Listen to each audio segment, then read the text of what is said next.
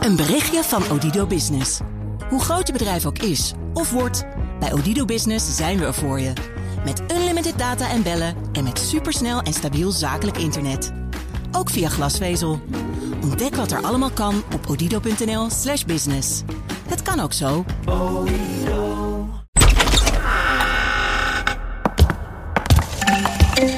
Dit is Nieuwsroom Den Haag van vrijdag 13 augustus. In de studio hier in Amsterdam zijn Thomas van Groningen van BNR, Ulko Jonker van het Financiële Dagblad, twee politiek journalisten. Ik ben Mark Beekhuis en aan de lijn hebben wij Wiemar Bolhuis, die de trouwe luisteraar een jaar en een half geleden ongeveer al eens heeft gehoord. Wiemar, hallo. Hi, goedemorgen. Ja, dat ging toen over uh, ambtelijke menukaarten die gemaakt worden als voorbereiding op uh, verkiezingsprogramma's die doorgerekend worden door politieke partijen, waar politici dan uit kunnen kiezen. En als het goed is, uh, bij de komende kabinetsformatie, of de huidige kabinetsformatie, gaan de politieke onderhandelaars ook weer kiezen uit de ambtelijke menukaart. Dus in die zin kunnen we het er weer over. Het is weer helemaal actueel ineens. En je hebt uh, pas een uh, opiniestuk geschreven over de begrotingsruimte die we hebben. En dat die groter is dan we denken. Daar gaan we het vast ook zo over hebben. Plus natuurlijk een rondje met het nieuws van deze week. Uh, Thomas, Den Haag had wel wat nieuws deze week. Ja. over de formatie, over benoemingen van staatssecretarissen. Ja, Zullen we beginnen met de, met de formatie? Nou, nee, ik wilde eigenlijk beginnen oh. met die benoemingen. Want oh, ja? het is toch best wel een dingetje dat, dat drie nieuwe bewindspersonen, Top de Bruin, uh, Stefan Wijnberg um, en Dennis Wiersma. En uh, bij sommigen, ook bij Dylan Jezilgus, die al in mei werd benoemd tot de staatssecretaris voor Klimaat, uh, zijn ze ook nog in de Tweede Kamer lid. Mm -hmm. En dat zijn ze in mei al benoemd, maar nu ineens deze week vallen buiten staatsrechtdeskundigen over elkaar heen dat dat ongrondwettelijk zou zijn. Omdat het is natuurlijk zo dat als jij in het kabinet zit en uh, je biedt je ontslag aan. Hè, dat is of omdat je opstapt of omdat je vlak voor de verkiezingen zit. En dan komen de nieuwe verkiezingen. Dan mag je van de grondwet tijdelijk, die, omdat je je functie ter beschikking hebt gesteld, zoals dat heet, uh, mag je tijdelijk zowel in de Tweede Kamer zitten als een rol als staatssecretaris of minister hebben. Ja, normaal mag dat niet. Nee, normaal mag dat niet. Maar nu zijn deze mensen nieuw benoemd. Dus die hebben hun functie niet ter beschikking gesteld. Nee. Is dan de theorie van die staatsrechtdeskundigen. Dus die zijn. Ja, je neemt er wat afstand van, alsof je er meer van weet dan de staatsrechtdeskundigen. Nou ja, ik heb wel de neiging om, als het er twee zijn die elkaar versterken, om die een beetje te volgen. Nou ja, de, staat, de, de, de grondwet heeft over als je je functie ter beschikking hebt gesteld. Of, eh, eh, niet ja. letterlijk zo. Ja, in, in theorie, als je demissionair staatssecretaris wordt, benoemd wordt tot, ja. dan word je het. Maar stel je ook tegelijk meteen je functie ter beschikking aan een nieuw kabinet. Dus volgens mij het is een beetje een, een, een, definitiediscussie. Maar ik vond het wel opvallend dat hij deze week flink opleidde. Terwijl, terwijl je ziel dus al sinds mei uh, deze beide functies vervult. Is, is dat raar ook al? Want het is toch gewoon dat er nu nog weer een golf van mensen benoemd is. En dat nou, de opwinding is niet raar hoor. Want de staatsrechten kunnen, kunnen zich overal over opwinden. Maar in ja. dit geval... Uh, maar dat wij erin meegaan. Ja, ik denk dat het, ik denk dat het allemaal heel erg relatief is. Uh, desnoods kunnen ze formeel als Kamerlid terugtreden. Ja, en dan, maar dat hebben ze komen, zo, komen ze over een paar maanden weer terug. Nee, maar ik bedoel, als het dan echt per se nodig is. Maar ehm, ik, ik, ik ga ervan uit dat de juristen die hier... er zijn ongetwijfeld andere juristen te vinden, laat ik het zo zeggen. Die, die dit wel kunnen. Het uitgezocht hebben voordat ze, deden, ja. voordat ze dit deden. Ik bedoel, het lijkt mij, lijkt mij logisch. Maar um, finesses ken ik niet, maar vind ik ook niet bijster interessant. Nee, gezegd. waar je wel een discussie denk over moet voeren, is, is het niet een beetje opvallend dat je in demissionaire status, terwijl de formatie nog bezig is, al drie nieuwe winstpersonen aanwijst. Dat, is, dat, is, dat, dat is interessant, politiek gezien ook. Uh, als je ziet, ik heb deze week een stuk over geschreven.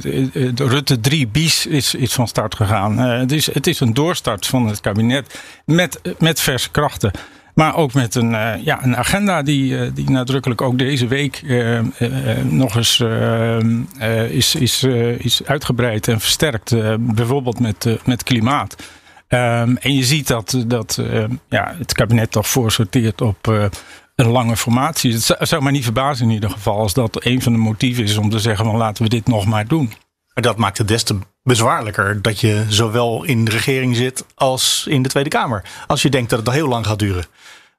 Ja, toch? Ja. Want dan, dan krijg je toch dat, uh, dat je jezelf gaat zitten controleren als Kamerlid. En dan vaak ben je wel redelijk tevreden. Het zijn niet deze, deze twee, het zijn twee Kamerleden. Ja. Deze twee Kamerleden die hier het verschil gaan maken, denk ik.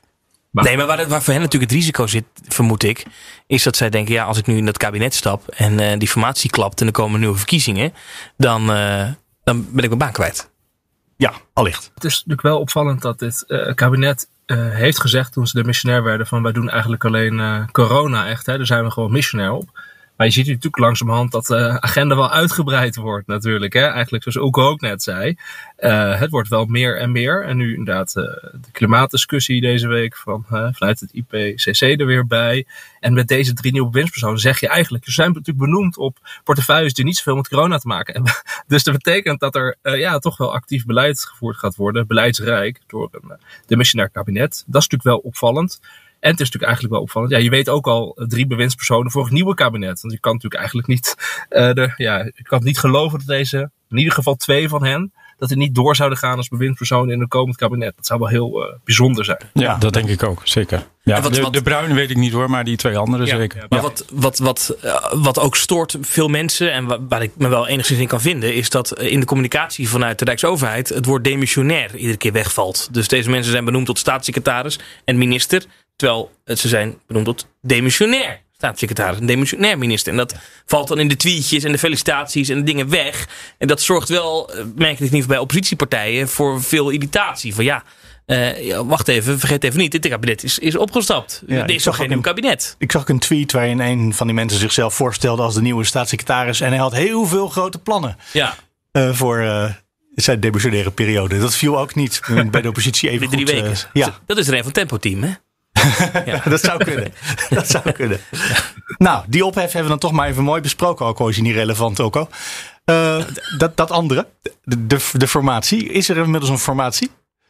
Er is, er is een formatie gaande. Uh, we zien niet alles. Uh, en het is in ieder geval de bedoeling dat we volgende week weer uh, op, met volle stoom daarmee mee verder gaan. Maar het is, uh, ja, het, dat snap ik ook wel. In, in de beeldvorming zie je, zie je natuurlijk nu van ja, ze, zijn, ze doen gewoon helemaal niks meer. Um, en ze, ze, ze gaan gewoon missionair verder. Is dit een, is dit een soort staatsgreep uh, is die gaande? Van, uh, hoe, lang, hoe lang kunnen we zo doorgaan? Een soort Lukashenko. Ja, maar laten we, ja, je krijgt nu ook uh, ja, echt, echt oproepen om, om een ultimatum te stellen. Ja, nou weet ik niet wie een ultimatum aan wie kan stellen in deze. Maar het is, het is waar. Het is, het, is een, het is een eigenaardig proces aan het worden. En ik, ik vraag me heel erg af of, of dit, of dit goed kan eindigen. In de corona-aanpak weet Mark Rutte altijd op het laatste ogenblik toe te geven aan druk vanuit de samenleving. Zien we dat hier ook? nou ja, ligt het aan Mark Rutte? Dat is ja, dat weet ik niet. vraag. Uh, kijk, we, we, schrijven een heleboel dingen toe aan. Uh, het is allemaal Rutte. En Rutte doet dit en Rutte doet dat. Uh, maar hier, hier zitten gewoon een heleboel partijen aan tafel. En die willen allemaal waarschijnlijk dingetje doen. Bij corona waarschijnlijk ook het geval. Daar zitten natuurlijk ook lobbypartijen en CDA ja. en VVD en nog de, de, de, oppositie in de Kamer. Dus daar zijn ook heel En de deskundigen. Ik bedoel, en, en het OMT. Ja. Ik bedoel, dat is, daar begint het mee. Maar als dan op een goed moment het land zegt de scholen moeten dicht, gaan de scholen dicht. los van wat er verder ja, wat er dat, was een, dat was een hele opvallende. Ja, maar er zijn meer van dat soort ja. wendingen nee, geweest. Ja, maar je zag het deze week, er was een boze tweet van Wilders voor nodig. En later een oproep tot een debat in de Kamer. En totdat Vera Bergkamp, de Kamervoorzitter, een brief schreef naar de informateur Mariette Hamer. En toen kwam gisteren die brief terug. En de, ik denk dat als die brief niet was gekomen, hadden we ook waarschijnlijk komende week wel meer gehoord vanuit uh, de, de, de, informateur. Maar nu kwam het, nu moest het, want die brief was gestuurd. Waarbij overigens de eerste zin van het briefje terug van Mariette Hamer mij wel opviel. Die stuurt namelijk naar de Tweede Kamer. Dank voor de getoonde interesse in de kabinetsformatie. Ja, ja. Zegt waar. Dat, dat was de eerste zin. Ja, dat dacht ik ook. Ja, dat, hè, hè? Ja, ja, vrij bijzonder. Ja. ja. Dat, dat kan je niet verzinnen, die zin. Stond dat is echt heel creatief. Ja. Maar goed, het zegt iets over hoe ze misschien erover denken daar. Maar, maar de, de, de, de, timing dat het nu ineens valt, is wel denk ik wat de druk ook oploopt. Ineens zaten er politici aan talkshowtafels weer deze week. De vakantie is echt voorbij in Den Haag. Dat is waar. En ineens uh, ja, gaat dan het, het, potje koken. Mimar, jij bent tegenwoordig bij de Universiteit Leiden, maar je bent ook jarenlang bij het ministerie van Financiën uh, aan het werk geweest. Dit soort momenten, ja, die heb je natuurlijk zo niet meegemaakt. Maar uh, kan je daar iets van schetsen van hoe dat daar nu moet verlopen in de ministeries tussen de ambtenaren? Nou, uh, Thomas net de vakantie is voorbij. Misschien is dat wel gewoon leuk om te vertellen dat je eigenlijk uh, voor de begroting die natuurlijk met Prinsjesdag gaat komen, dat in de zomermaanden vooral de, de koopkrachtdiscussies nog, nog lopen.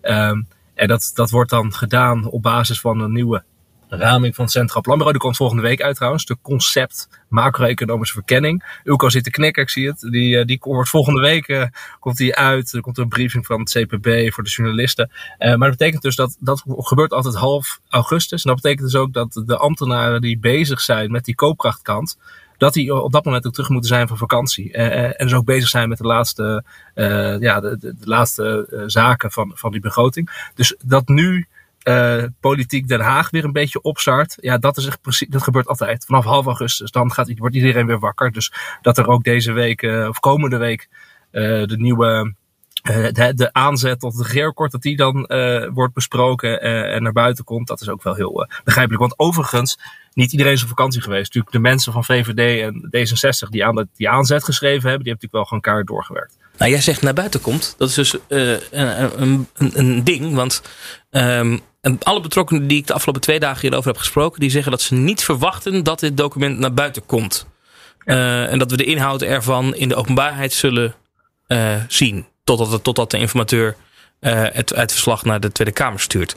Dus waarschijnlijk gaan we het niet weten. En het is aardig om even in te zoomen op wat nou in dat document staat. Want ja. dat, dat weten wij natuurlijk nu ook niet, geen idee. Maar um, als je doorvraagt, en dat heb ik echt al van meerdere personen gehoord, is het echt een, een uiteenzetting van al die onderwerpen die Hamer destijds bij een, in een bijlage bij haar eindverslag ja. uh, heeft gestuurd. Het is gewoon een opsomming van allerlei thema's. En er staat ook echt bij uh, de Ze agenda. Zeven thema's. Zeven thema's, ja, ja. precies. En uh, wat ik begrijp is dat op al die zeven thema's, al die onderwerpen, met al die kleine deelonderwerpjes, daar hebben VVD en D66 een overeenstemming bereikt. Een alineaatje geschreven. Waar, maar er worden geen bedragen in genoemd, begrijp ik. Want men zegt anders voelt het voor andere partijen te veel als tekenen bij het kruisje. Maar er wordt in ieder geval een visie en een soort van doel opgesteld per onderwerp. En daarover kan dan verder geformeerd worden. Dus wie nu ja. denkt dat de komende week al een soort van concept ligt waarbij we joepie binnen drie weken we hebben een nieuw kabinet. Nee. Dat, dat is echt nee. niet zo. Het zijn, het zijn ook bouwstenen, hè, zo noemt het. Ja. Help mij nog even wat die zeven en oplossingsrichtingen hoor ik. Ja, ja. oplossingsrichtingen ook alle kanten. Ja. Wat waren die zeven thema's ook weer? Hebben jullie die zo paraat? Ik heb ze hier. Uh, de kansenrijke en inclusieve samenleving. Uh, waarbij bijvoorbeeld gaat om het verkleinen van het kansenongelijkheid in het onderwijs. Uh, maar ook bijvoorbeeld het verkleinen van onevenwichtigheden in de arbeidsmarkt. Flexibele vormen van arbeid moeten verkleind worden. Vaste contractvorm aantrekkelijker maken. Nou, daar hebben ze over gesproken. Duurzame economie met versterking verdienvermogen. Dat gaat dus ook over klimaat. Uh, digitalisering en innovatie. Waarbij bijvoorbeeld de overheid verder gedigitaliseerd moet worden. De snelheid van digitale verbindingen moet omhoog staan bij de agenda. Uh, en het verkleinen van digibetisme. Ook in relatie tot laaggeletterdheid. Gezondheid. Uh, waarbij mij opviel dat in die agenda het vooral gaat over het stimuleren van een gezond leven. -huh. Dat we allemaal wat vaker naar de sportschool gaan. Ik kijk even naar mezelf. Uh, veiligheid, uh, waarbij het ook gaat om de ondermijning van de rechtsstaat door georganiseerde criminaliteit.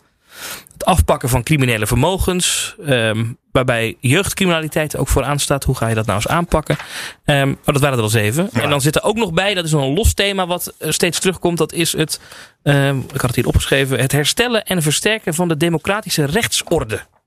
Nou, ik ja. begin bijna weer over de benoeming van een aantal staatssecretarissen die ook Kamerlid mochten blijven. Maar wat hier heel opvallend is, misschien even om aan te stippen. Kijk, de D66 en VVD moeten een, uh, hebben, hebben ze nu een aanzet geschreven. En de hoop natuurlijk met de vraag van, hey, gaan of CDA uh, of ChristenUnie er weer bij? Of, of PvdA GroenLinks? Ik begrijp dat dat de partijen zijn met wie dan dinsdag uh, gesproken gaat worden.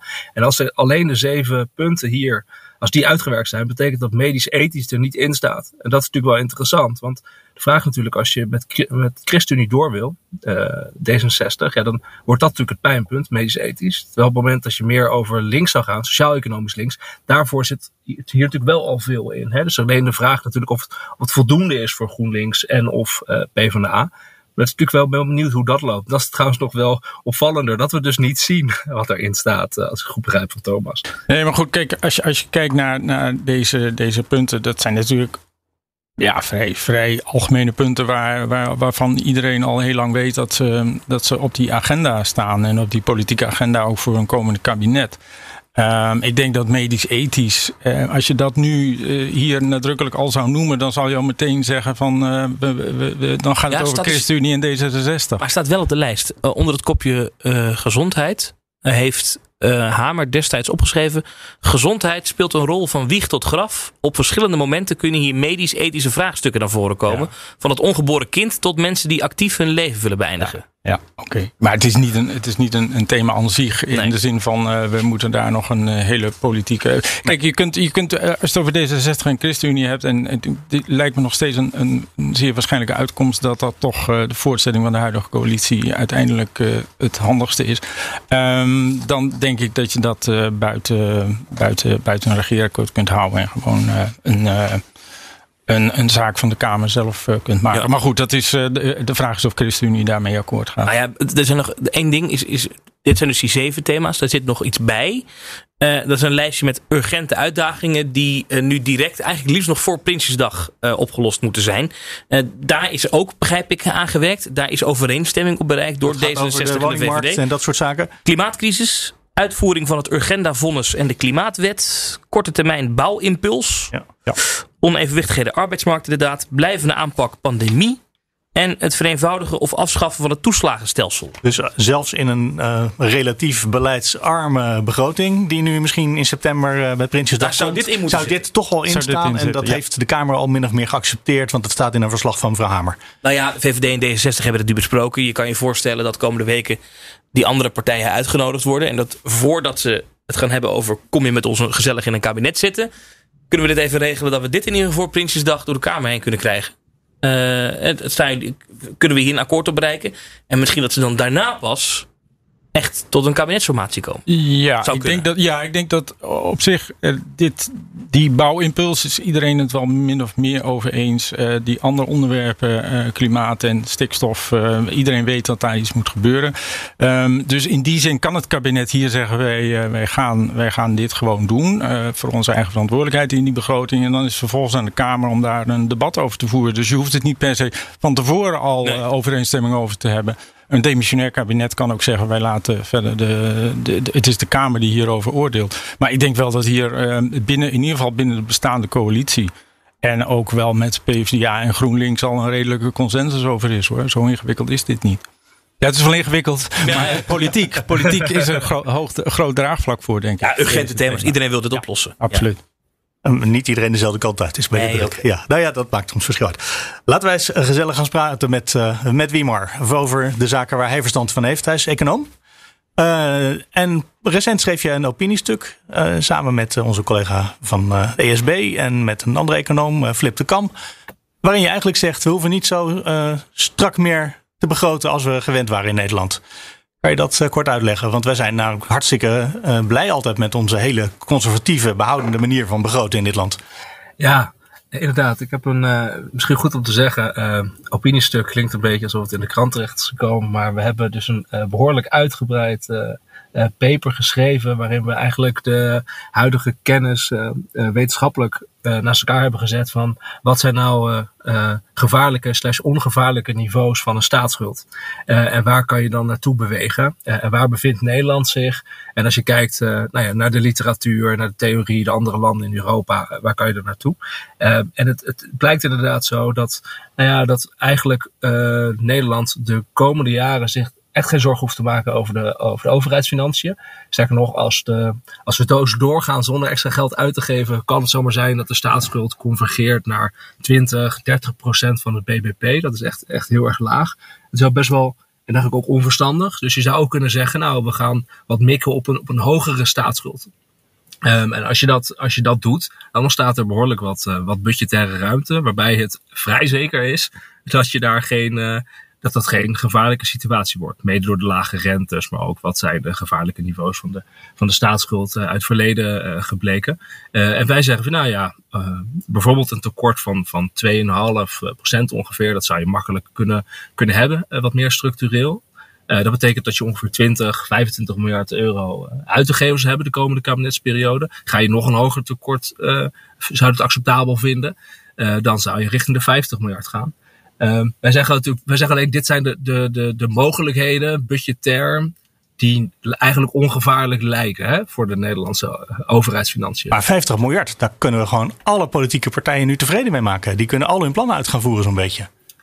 Nou, dat weet ik niet, want er moet nog verhandeld worden. Het klinkt als een heleboel geld. Er zijn wel hele grote verschillen.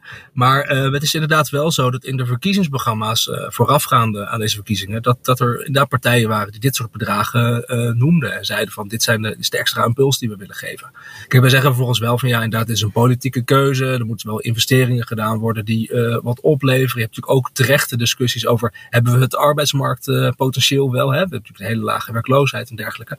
Maar, maar je zou dit wel kunnen, kunnen doen. Dus je hoeft echt uh, nou, wat minder stringent en conservatief te zijn, behoudend te zijn, denk ik het goede woord, dan dat Nederland in het verleden was. Maar ik heb bijvoorbeeld onze minister van Financiën, Hoekstra, horen zeggen: binnenkort, daar moeten we er toch aan geloven. We hebben nu zoveel uitgegeven aan corona-steun.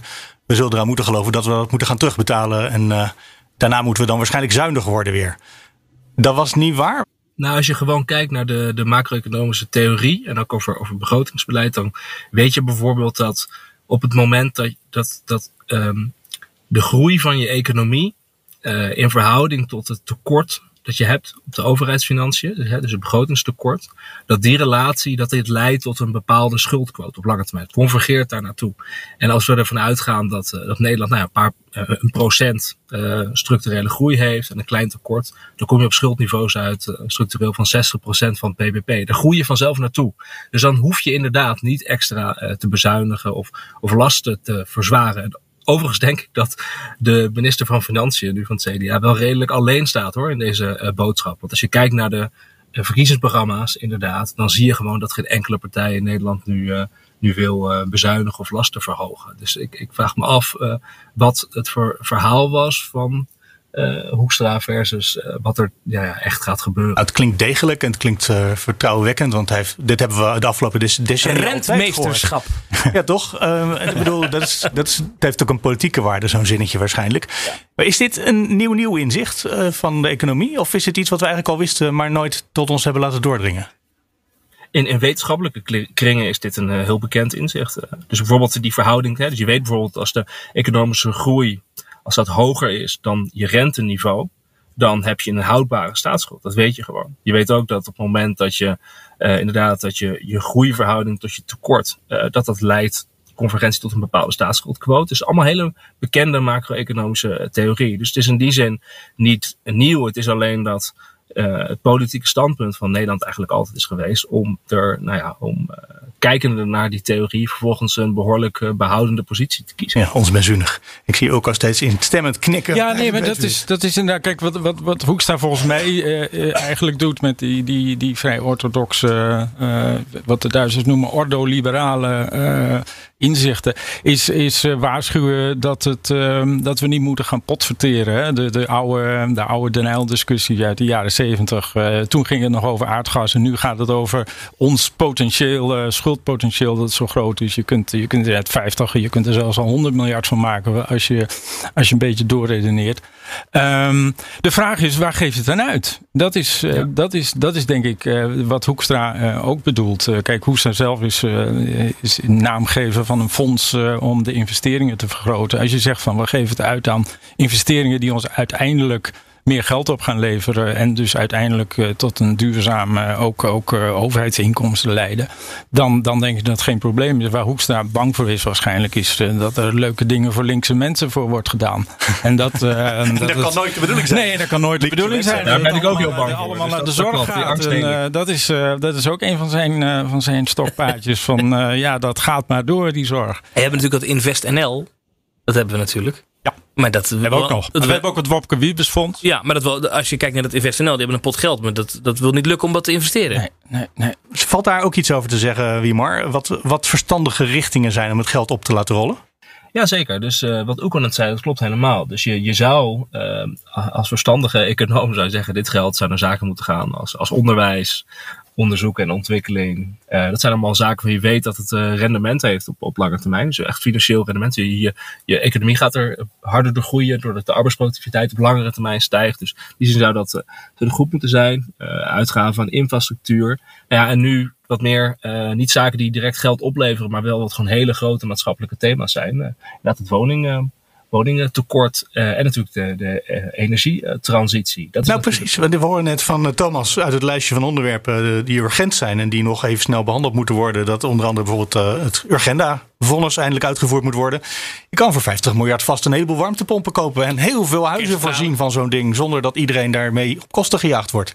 Of alles isoleren wat los en vast zit. Kerncentrale. Kerncentrale kan je er misschien voor 50 miljard, geen idee. Wat kost een kerncentrale? Nou, die kom je wel aan 100 volgens mij tegenwoordig. Oké, nou dan kopen we een halve samen met de Belgen. Uh, maar bedoel, dus we zouden natuurlijk ook. Moet het per se geld opleveren? Of kan het ook voorkomen dat mensen daardoor hoge lasten oplopen?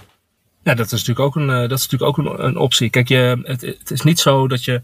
Um, inderdaad, je kan natuurlijk, uh, het, is budgetaire ruimte. Je kan bepalen hoe je het inzet. Dus je kan zeggen van we gaan het uitgeven aan onderwijs. Nou, als je dat doet, dan heb je bijvoorbeeld natuurlijk docenten en dergelijke nodig. Maar je zou ook kunnen zeggen, we geven het uit in de vorm van een lastenverlichting. Of dat je een bepaald gedrag wil, wil stimuleren. Dat zal nou ja, op een andere manier natuurlijk wel ook arbeidskrachten uh, kosten. Maar dan laat je het echt aan, aan marktpartijen. Kijk, misschien is een goed voorbeeld dat Um, de aardgastransitie, kunnen we ons bijna niet meer voorstellen, maar een jaar of zestig uh, geleden, toen is in Nederland alle huishoudens op, op de aardgas uit, aangesloten. Dat heeft, als ik het goed de berekeningen zijn dat het ongeveer 4% van het BBP heeft gekost. Dat werd echt door de, door de Nederlandse overheid uh, met centrale regierol gedaan. Op een manier dat we ons nu bijna niet meer kunnen voorstellen dat een overheid zoiets zou doen. Ja, als je uh, inderdaad op basis van de Urgenda-uitspraak of die IPCC-waarschuwingen van deze week, als je echt besluit we gaan nu uh, nou ja, een regierol pakken en we gaan er budget voor vrijmaken, zijn dat soort bedragen ja, dus heel, heel nou ja, in de geschiedenis gewoon 4% BBP is ongeveer nou ja, 36 miljard euro. We hebben het eerder gedaan. Ik zie hier heel instemmend knikken, knikkende mensen allemaal in de studio. Ja, goed. Ja, natuurlijk. Ja, ja. Het, ja, lijkt mij ook. Kijk, vergeet niet, uh, uiteindelijk uh, levert, dat, uh, levert dat ook veel geld op. als je ziet wat, dat we nu al onze energie importeren en we gaan hem dan zelf maken. Ja, dat scheelt een stuk. Ja, precies. Ja, en natuurlijk, kijk, um, uh, de, de, wat uh, klassiekere economische invalshoek is dat je alleen moet investeren. Uh, dus je maakt kosten voor bepaalde financiële baten, zeg maar. Maar je hebt natuurlijk nu ook discussies over brede welvaart. Dus niet alleen zeg maar financiële welvaart, om zo te zeggen. Als je kijkt naar brede welvaart, ga je dus ook over dingen nadenken als inderdaad een, schonere energievoorziening of, of ja, woningbouw. dat er geen woningtekort is. Daar, daar kan je natuurlijk best over nadenken met elkaar. Uiteindelijk weten we in ieder geval één ding zeker: dat als je het volledig uh, aan de markt overlaat, dat laat gewoon de geschiedenis zien dat het dan niet van de grond komt. Dus ja. Hoe overtuig je als ambtenaar je minister of je staatssecretaris dat je 50 miljard moet uitgeven of 136 uh, aan zo'n soort project wat niet per se rendement heeft, maar waar mensen wel blij van worden of uh, waarmee je voorkomt dat er overstromingen aan de andere kant van de wereld ontstaan? Hoe overtuig je daar als ambtenaar je, je politieke leidinggevende van? Nou, ik denk dan inderdaad dat je eh, zou moeten beginnen met uh, de invalshoek van, van de brede welvaart. Uh, maar ik denk eigenlijk dat. Ik, dit is een beetje flauw ik het nu zeg, maar ik denk eigenlijk dat je in Nederland bijvoorbeeld ministers van Financiën niet zo goed kan overtuigen om dit geld uit te geven. Dat het eigenlijk nooit zal lukken.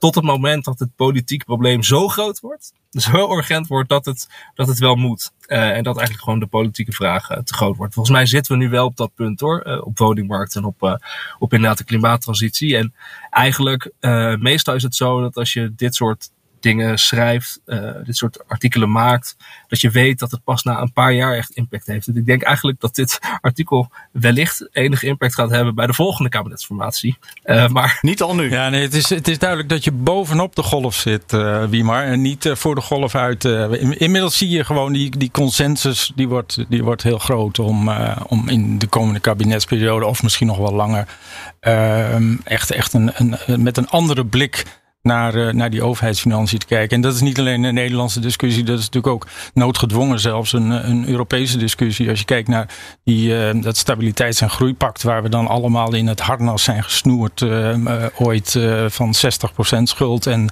3% begrotingstekort.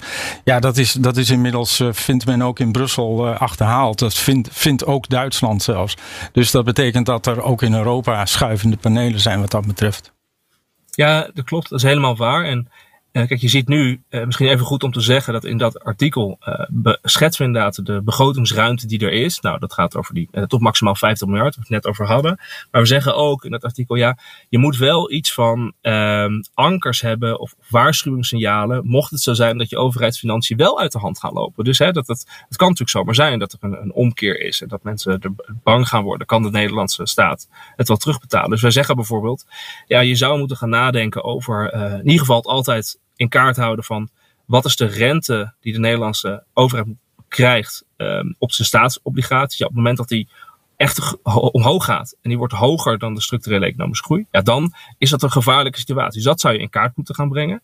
En het tweede punt wat wij uh, zeggen is dat je moet gaan nadenken over hoe wil de Nederlandse staatsschuld zich eigenlijk verhouden ten opzichte van het gemiddelde in Europa. Want het is de, de, de eurokapitaalmarkt dat is eigenlijk hetgene waar we ons geld ophalen. Dus je, het is heel goed om na te gaan denken hoe verhouden we ons als Nederland met onze staatsschuld ten opzichte van de andere eurolanden. En de gemiddelde eurolandenschuld op dit moment is gewoon 100% van het BBP. Nederland zit richting de 50 en op lange termijn gaat dat dus naar de, nou ja, de 20, 30 procent toe. Ja, waarom zou je dat dan doen? Je, je bent jezelf wel echt gewoon, uh, je bent heel, uh, uh, veilig en behoudend, maar je bent jezelf ook arm aan het maken als je zo door blijft denken. Ja, we moeten dus gewoon de, de portemonnee trekken. Ik hoor het al. Ja, ik, uh, er is geen spel tussen. Dus, nee, ja, laten we het doen. Nou, ik, wat ik wel interessant vind, maar dat is... Uh, Wij zijn het eens met z'n viertjes. Maar nou ja, die, die, die, want dit gaat ook over dat... Het kabinet heeft het ook over dat corona-herstelbeleid. Hè, hoe je de economie weer aanjaagt. Nou, de vraag is of dat echt nog nodig is, want de economie gaat als een trein. Maar goed, als je kijkt naar die Amerikanen... Dat, die hebben iedereen gewoon een, zak geld gegeven. Iedereen kreeg een cheque in de brievenbus met succes ermee. Ja. Is, dat nou, daar ben ik, is dat nou ook een idee voor... Om, kan je daarmee de Nederlandse economie ook aanjagen? Of is dat echt flauwekul? Ik, ik, werkt dat nou of niet?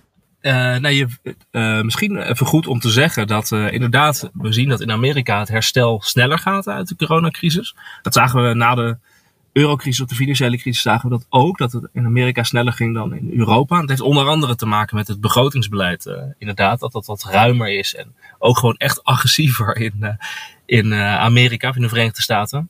Um, um, en ja, het, het werkt inderdaad dat op het moment dat je alle huishoudens een cheque zou geven, dan gaan ze dat uitgeven, dat is wel waar het is wel, uh, je wel behoorlijke, uh, er zit ook wel een behoorlijke verspilling aan. Dus even uit mijn hoofd, je weet dat bijvoorbeeld lage inkomens, dat die een hoger aandeel van een gekregen euro, dat ze die uit gaan geven. Gewoon dat ze meer spenderingsbehoefte hebben. En als je nou heel rijk en vermogend bent, je krijgt een extra euro van de overheid, dan ga je dat niet zo snel uitgeven, dan ga je het sparen. En volgens mij heeft een Nederlandse bank een aantal jaar geleden een studie gedaan waarin ze zeggen dat op het moment dat je elke huishouden in Nederland inderdaad, uh, noem dan helikoptergeld, hè, uh, ja. een bepaald bedrag zou geven, dat ongeveer 40%, zeg ik uit mijn hoofd, daarvan uitgegeven gaat worden. Um, dat, dus dat kan wel. Het is wel op dit moment uh, totaal uh, verspilling en niet nodig. Want inderdaad, zoals je zegt, Thomas, de Nederlandse economie herstelt.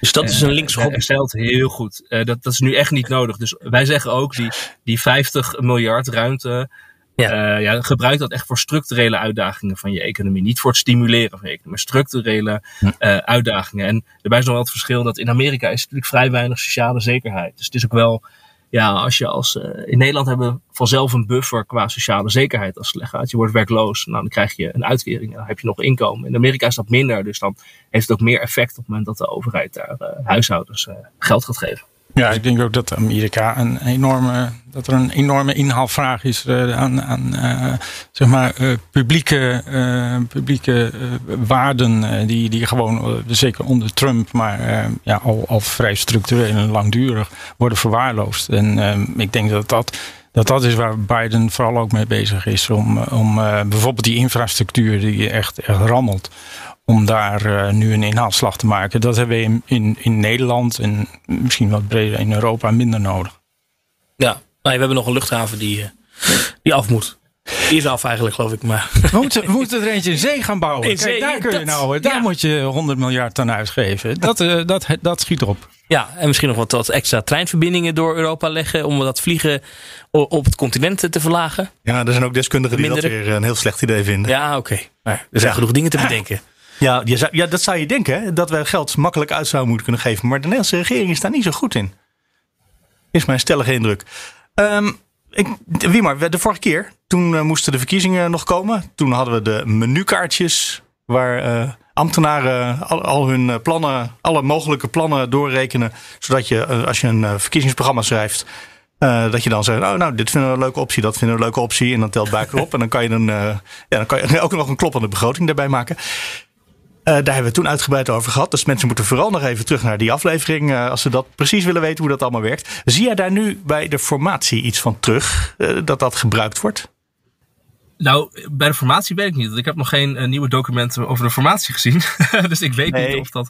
Maar um, kijk, wat in ieder geval heel opvallend is bij, de, bij, deze kabinetsformatie, is dat inderdaad de politieke partijen natuurlijk al die ambtelijke menukaarten hebben gebruikt om een verkiezingsprogramma te vullen. Hè, om een, om een Excel-sheet te vullen die ze dan naar het Centraal Planbureau sturen om door te laten rekenen. En wat je daar heel erg ziet, en dat vind ik voor deze kabinetsformatie opvallend, is dat uh, vooral de Partij van de Arbeid, GroenLinks en ook een beetje D66, die hebben uh, wel enorme uh, lastenverhogingen voor bedrijven, maar ook voor mensen met veel vermogen in hun verkiezingsprogramma staan. dat is, je, je ziet daar echt wel een hele, een hele forse, bijna radicale ruk naar links. Dus laten we zeggen dat, het, dat, dat de economische politiek, dat het in Nederland echt duidelijk aan het veranderen is. Maar ik vraag me heel erg af wat dat gaat doen voor de kabinetsformatie. Want je ziet daar toch wel een heel groot verschil met, met VVD en, en, en CDA. Eigenlijk simpelweg. Ook al zei net van, hey, het lijkt me het meest waarschijnlijk dat de huidige coalitie met dus uh, VVD, D66, CDA en dan ChristenUnie erbij, dat dat doorgaat. Ja, als je kijkt naar die, naar die doorgerekende verkiezingsprogramma's, de keuzes in kaart, dan zie je, dan is het bijna uh, ja, heel lastig om te verwachten dat, uh, dat VVD en CDA met PvdA en, en, en GroenLinks uh, gaan, gaan samenwerken. nou, we hadden het net ook even over jouw promotieonderzoek vlak voor deze opname. En toen zei je al, wat mensen opschrijven in een verkiezingsprogramma is vaak niet wat er in het regeerakkoord terechtkomt. Ja, ik heb een beetje, misschien even nuanceren. Ik ben een wetenschapper, ik moet even nuanceren.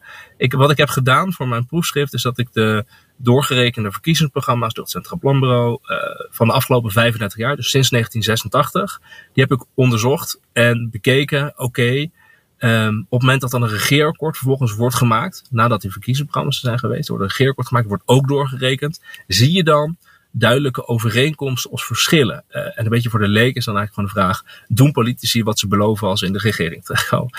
En je ziet, dat is hoopvol, dat ongeveer 70, 75 procent van de beloftes, dat het eigenlijk wel wordt ingelost. Waar de grote verschillen zitten, is dat uh, politieke partijen in hun eigen verkiezingsprogramma eigenlijk altijd de belofte doen om uh, de burger een behoorlijk forse lastenverlichting te geven. Echt een hele forse.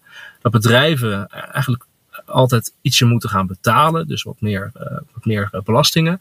Je ziet dat ze eigenlijk vaak een extra geld naar onderwijs willen. Dat is een belofte. En dat de ambtenarij, dus het openbaar bestuur, ietsje kleiner wordt. En dat zijn de vier punten uh, die eigenlijk dan in, in het regeerakkoord wat minder terugkomen. Dus die lastenverlichting voor burgers, die wordt toch wat minder dan in de individuele verkiezingsprogramma stond.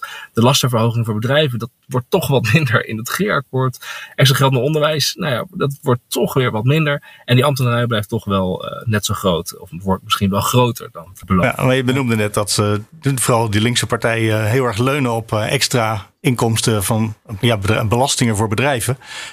En dat zit net in dit rijtje. Dat dat vaak in de praktijk niet eens in het regeerakkoord terechtkomt.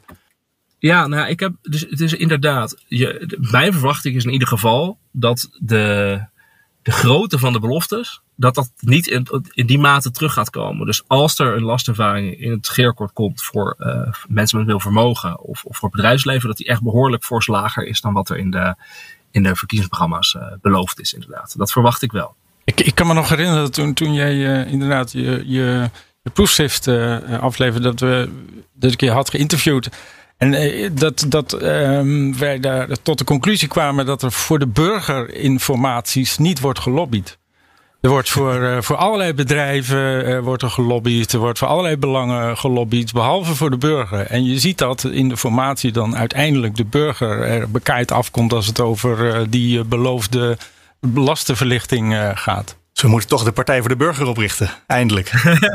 ja, maar ja, dat klopt. Dus uh, dat is één van de. Ik heb niet keihard kunnen toetsen, maar dat is één wel van de, van de hypotheses. Ja, uh, het komt toch door lobbymacht. Hè? Dus er wordt een verkiezingsprogramma opgesteld. Dat wordt gemaakt met het idee: we moeten stemmen trekken. Nou, wie stemmen er? Burgers. Dus je maakt je verkiezingsprogramma, richt je daarop.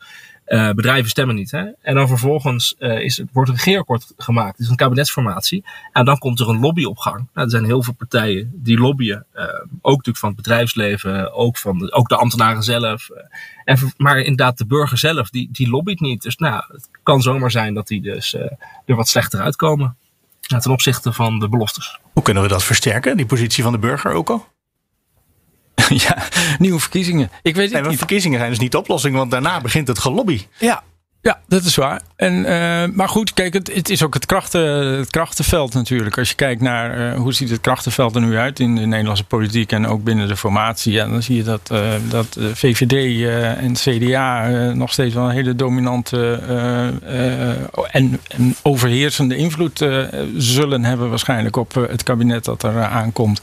En als je kijkt naar wat, wat voor vuist kan links maken, ja, dan is misschien met D66 erbij. Dat hangt er vanaf welke kant wil D66 op. Um, die kan zoals gebruikelijk alle kanten op. Maar um, ja, is dat een links? Is, wordt dat, een, nee, maar wordt dat, wordt dat een linksblok of, of, of uh, wordt dat toch het redelijke midden? Dat is, dat is, dat is wel interessant om, maar, te, om te gaan bekijken. Maar vakbonden die lobbyen toch ook? Vakbonden lobby ook, ja. Maar um, ook, ook daar, die, die lobby loopt toch voor een belangrijk deel via de linkse partijen. En dan zie je dat, dat die gewoon minder goed een vuist kunnen maken op dit moment. Ja. Ja, maar misschien even goed nog om te herhalen van het is dus niet alleen de lobby hè, wat hier uh, door, doorslaggevend is, denk ik. Wat dus ook gewoon heel belangrijk is, is de meer uh, politieke economie uh, stroming. Het idee dat partijen gewoon voor de verkiezingen zich heel erg richten op, op degene die, die op hen kunnen stemmen. Dat zijn de burgers. En dat ze dan na de verkiezingen, dan begint er een, een, een ander doel te spelen. Namelijk, je wilt de macht krijgen, je wilt in de regering. En dan, dan en je wilt ook nog een regeerakkoord wat goed ontvangen wordt in, de, in Nederland. Hè? Dus je wilt ook niet dat op het moment dat je een regeerakkoord presenteert, dat de volgende dag uh, al die maatschappelijke partijen, uh, dat die uh, met grote letters in de Telegraaf zeggen: dit regeerakkoord maakt in Nederland het bedrijfsleven kapot. Hè? Dus je, je, daar zit natuurlijk ook een, daar zit natuurlijk ook een, een belang. Ja, dat klinkt eigenlijk ook wel voor de hand liggend. Nou ja, het is wel iets wat we ook in, in de corona-aanpak hebben gezien. Daar heb ik natuurlijk vorige keer een beetje mijn beklag over gedaan. Maar dat sommige, sommige sectoren hebben gewoon geen goede lobby. En die zijn, hebben gewoon pech. En als je goede lobby van hebt, corona, ja. Precies. Ja, en als je, goede, eh, als je een goede lobby hebt, dan mag je open. Ja. ja, dat weet ik niet hoor, of het zo makkelijk is. dat de lobby's hier in Nederland de dienst uitmaken. Volgens mij wordt de, wordt de macht van lobby's nogal eens overschat. En vooral door de lobbyisten, lobbyisten zelf. Ja, Die weten dat heel goed te verkopen, hoeveel macht en invloed ze hebben. En, uh, want dat, uh, dat is, daar moet flink voor betaald worden. De, de vraag is voor mij altijd van wat is dan het uiteindelijke effect? Natuurlijk, als je kijkt naar, uh, naar, naar horeca en naar detailhandel en naar de evenementen, dan zie je daar verschillen. Maar die hebben toch echt ook te maken met, met de wetenschappelijke inzichten over de verspreiding van het virus. Maar hoe verklaar je dan die ongelooflijke aandacht voor bijvoorbeeld festivals, wat echt niet het allergrootste deel van de economie is, of het allerbelangrijkste deel van het leven van mensen? Te veel journalisten in de leven. Ja, veel, veel 25 ja. en 35 jaar. Ik wil, ik wil gevoelig ja, ja. Het is wel zo, denk ik. Nee, maar wie het wel het belangrijkste in het leven is natuurlijk. Ja. Dat, dat, ik denk wel dat dat een rol speelt. Nee, dus we hebben best een stevige lobby. Als, als ik zie hoe ze, hoe, ze, hoe ze zich manifesteren in de media. En dat heeft toch, niet, toch weinig effect. Ja, een van de lobby's die misschien nu toch uh, rond gaat komen. Ja, we nemen dit op vrijdagochtend op, dus de podcast kan je op vrijdag luisteren. Maar op de radio is het pas op zaterdag of zondag. Dus de persconferentie vanavond, op vrijdagavond, is misschien al gisteren of eergisteren geweest als je dit hoort. Uh, maar wat nu waarschijnlijk toch lijkt te gaan lukken, is het openen van, de, van het onderwijs, uh. Toen zou je vast gejuicht hebben toen je dat hoorde. Ja, ik was heel blij toen ik dat las. Uh, ik ben ook heel blij dat we, als we toch over lobby hebben, dat de VSN nu uh, en de Vereniging van Hogescholen, en noem het allemaal op, en ook de universiteiten zelf, dat die toch wel een heel duidelijk signaal hebben afgegeven van alsjeblieft, als het kan, doe het hoger onderwijs weer open. Of alle onderwijs. En ik, ik, ja, ik, ik heb een afgelopen jaar colleges en werkgroepen gegeven via een, een scherm. En ehm, ik moet zeggen dat dat ik wel goed kan begrijpen dat de studenten dat er behoorlijk minder vinden.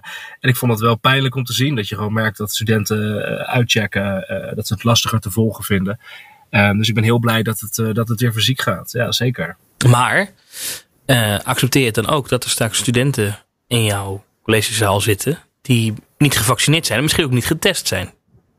Dat is een goede vraag. Daar is dus nu wel echt discussie over. over welk beleid heb je op de, op de campus. Hè? Dus sowieso ze, bij de Universiteit Leiden zal uh, sowieso de lijn zijn dat natuurlijk op het moment dat je klachten hebt en dergelijke, dat je dan thuis blijft als student. Dus het onderwijs zal hybride blijven. Dus je geeft fysiek onderwijs, maar het moet ook altijd online uh, te volgen zijn. Niet alleen voor de studenten die mogelijk corona hebben, maar ook voor studenten die zich onveilig voelen. Dus niet naar de universiteit willen omdat ze bijvoorbeeld een zwakkere gezondheid hebben. Um, maar ik, ja, ik, ik accepteer uh, zeker als docent het risico dat er uh, ook studenten zullen zitten die, die, die corona hebben. Uh, wat jou betreft hoeft er geen corona-check bij de ingang te zijn met die QR-code. Nou, er is nog wel een discussie over sneltesten zullen zijn. En, en inderdaad of je met een QR-code moet, moet werken. Ik weet niet, even niet precies hoe dat nu gaat lopen. Nee, dat, weet, dat nee, weten we ook nog niet. Wat vind je zelf? Wat vind je zelf, ja? Jij staat daar straks. Tussen die studenten. Nou, ik vind een vaccinatiebewijs zou wel, uh, zou wel belangrijk zijn. Maar ik, tegelijkertijd um, weet ik ook gewoon niet wat er, wat er praktisch haalbaar is qua, qua uitvoerbaarheid. Kijk, uh, misschien goed om te weten dat... Iedereen nog even scannen. nou ja, precies. Hè? Dus uh, als jij, uh, noem eens wat, 100 studenten binnenkrijgt, of ik, ik krijg gewoon 30 studenten binnen, ik moet iedereen scannen en goed controleren, ja, dan is mijn werkgroep is alweer bij. Dus dat, dat werkt niet. Plus dat het is gewoon uh, een universiteitsgebouw is best wel lastig om daar goede looplijnen te hebben en van tevoren uh, scannen. Je zijn er vast allemaal eens een keer geweest, maar het zijn allemaal kleine smalle gangetjes uh, waar je langs elkaar loopt en zo. Dus uh, je krijgt best wel bottlenecks op het moment dat je zegt, joh, ga maar even met z'n honderden nu een sneltest doen of je QR-code laten zien. Hm. ik, kijk, en dan is het gewoon volgens mij zo. Ik neem inderdaad dan het risico als docent. Maar ik kan me ook heel goed voorstellen dat er collega-docenten zijn die dat niet willen. En die zeggen van, nou, ik wil op afstand college blijven geven. Volgens mij is die optie er ook uh, nog wel. Over een plek gesproken waar die uh, miljarden naartoe kunnen. Het hoger onderwijs, universiteiten. Wie zou dat, zou dat uiteindelijk onder de streep goed zijn voor de economie? Op lange termijn uh, zeker. Dat laten studies inderdaad zien. Dat, dat, dat op langere termijn meer en beter onderwijs. Dat dat leidt tot, tot meer productieve, nee, productieve studenten. Wat is de onderbouwing daarachter dan? Dat mensen dan uiteindelijk slimmer zijn. Dat er dan meer productiviteit komt? Ja, precies zo. De studenten, dus het, het, is zo dat over het algemeen dat op het moment dat studenten een hoger, dat mensen een hoger opleidingsniveau uh, hebben, dat ze dan op langere termijn uh, productiever zijn. Omdat ze slimmer zijn natuurlijk uh, waarschijnlijk, maar ook omdat ze waarschijnlijk een betere gezondheid hebben en dergelijke. Dus dat is het, dat is het idee. Dat, en daar, daar is ook wel onderzoek naar gedaan. alleen de vraag is even, kan je het ook weer differentiëren. Hè? Dus je hebt natuurlijk allerlei onderwijsbestedingen van, van, van kleuteronderwijs tot basisschool, tot middelbare school, tot hoger onderwijs, tot beroepsonderwijs, tot noem het allemaal maar op. Um, ja, en, en, waar moet je dan je geld uit, uitge aan uitgeven? Wat het hoogste rendement? En je krijgt ook discussie natuurlijk welke opleidingen eigenlijk hè, hebben het goed rendement. Ik geef uh, economie. Ik weet eigenlijk helemaal niet of het rendement op economie heel hoog is uh, voor, de, voor de Nederlandse uh, nee. economie op langere termijn. Misschien is het wel. Die opleiding, die, daar, die hebben we nodig. Hebben die een hoog rendement? Nou, die, ja, die, ja, nee, dat niet. Nee. En duur om op te leiden. Nog duur om op te leiden. en die leiden maar tot kosten in de zorg. Ja. En straks is er helemaal geen capaciteit meer nodig.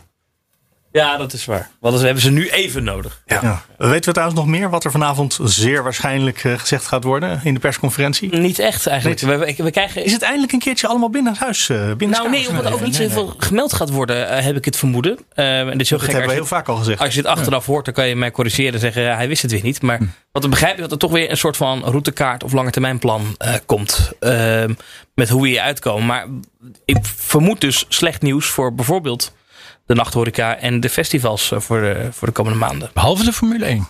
Ja, dat gaat door. Dat, ik vraag me dat af, want dat wisten we toch eigenlijk al dat die door kon gaan. Want sportevenementen met geplaceerde. Nee, ik weet het. Dat mocht eigenlijk al. Dus ik, snap, ik snapte de ophef gisteren zo, helemaal. Zo zal dat ongetwijfeld. Ja, weer, mensen zullen daar heel boos over worden, denk ik. Dat ja. mag. Maar het is wel uh, op zelf goede communicatiestrategie dat we tot nu toe gehoord hebben wat er allemaal open gaat. en tot nu toe hebben we nog niet gehoord wat er inderdaad dicht blijft of extra dicht gaat. Dus dat uh, krijgen we op de persconferentie dan, uh, ja. dan wel te horen. En als, want eind september lopen de steunpakketten af. Uh, ja. Dus ik, ik, we gaan het in ieder geval vragen vanavond. Maar ik vermoed dat Rutte toch wel een keer moet gaan zeggen: ja, uh, die steunpakketten, daar gooien we nog een kwartaal tegenaan. Uh, bijvoorbeeld met de TVL en dat soort dingen. Want um, wat je kan zeggen is: ja, maar straks is misschien na september is alles weer open. Tussen aanstekens. Alleen bedrijven die dus te maken hebben gehad met. die heel erg in, seizoensafhankelijk zijn. Denk even aan bijvoorbeeld evenementenbureaus ja, die hebben straks dit najaar ook nog vaste lasten. Alleen die kunnen dan niet meer die omzet goed maken. Dus die hebben wel een heel jaar aan kosten en niet hun seizoen gehad van inkomsten. precies, dus die TVL die zal nog wel even door moeten lopen. Maar vooralsnog is het 1 oktober, uh, gaat de geldkraan dicht. Ja, maar zo is het natuurlijk tot nu toe steeds gegaan. En uh, dit, dit, kijk, wat je nu ziet, en daarom is deze persconferentie, het was, uh, de kabinet dacht van nou half augustus, dan weten we het wel. Maar ze weten het niet op dit moment. want, want er zit toch die dynamiek van dat virus en die, en die besmettingen en, en de ziekenhuis ja, die blijft toch uh, hardnekkig. En uh, dus in die zin zullen ze toch weer de bal vooruit ja. gooien. En dat betekent dus ook dat die, die steunpakketten nog wel even verlengd worden. Wat overigens de kop niet kost hoor. Want als je kijkt naar hoe die aanvragen op dit moment lopen, dan, dan gaat dat echt drastisch omlaag. Ja, maar er zal altijd een kleine sector blijven. Die... Ja. Tuurlijk. En, en nou ja, dat is echt uh, klein geld voor uh, Hoekstra. Ja maar, ja, maar dat moeten ze dan wel blijven doen. Overigens had Sophie dus wel gelijk. Een paar afleveringen van Nieuws om Den Haag geleden. Toen ik hier vol bravoer aankondigde dat het kabinet... dat dit de laatste coronapersconferentie zou zijn. Dat kan altijd nog, maar ik denk het toch niet. Nee, ik weet wel zeker. Ja. Dat is fijn. Dan hebben we weer wat om naar te kijken op televisie, toch? Om 7 uur vanavond. Ja. We komen aan het einde van uh, Nieuwsroom voor deze week. Dankjewel, Wiemar Bolhuis. Die trouwens zelf ook een podcast maakt. Studio Tegengif over politiek. Fijn om naar te luisteren altijd. Uh, en deze keer de gast bij ons. Heel fijn. Ja, ik. ja echt. Ja, leuk.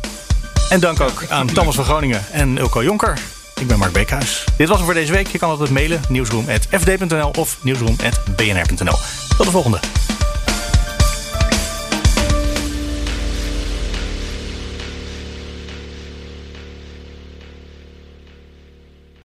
Een berichtje van Odido Business. Hoe groot je bedrijf ook is of wordt, bij Odido Business zijn we er voor je. Met unlimited data en bellen en met supersnel en stabiel zakelijk internet. Ook via glasvezel. Ontdek wat er allemaal kan op odido.nl/business. Het kan ook zo.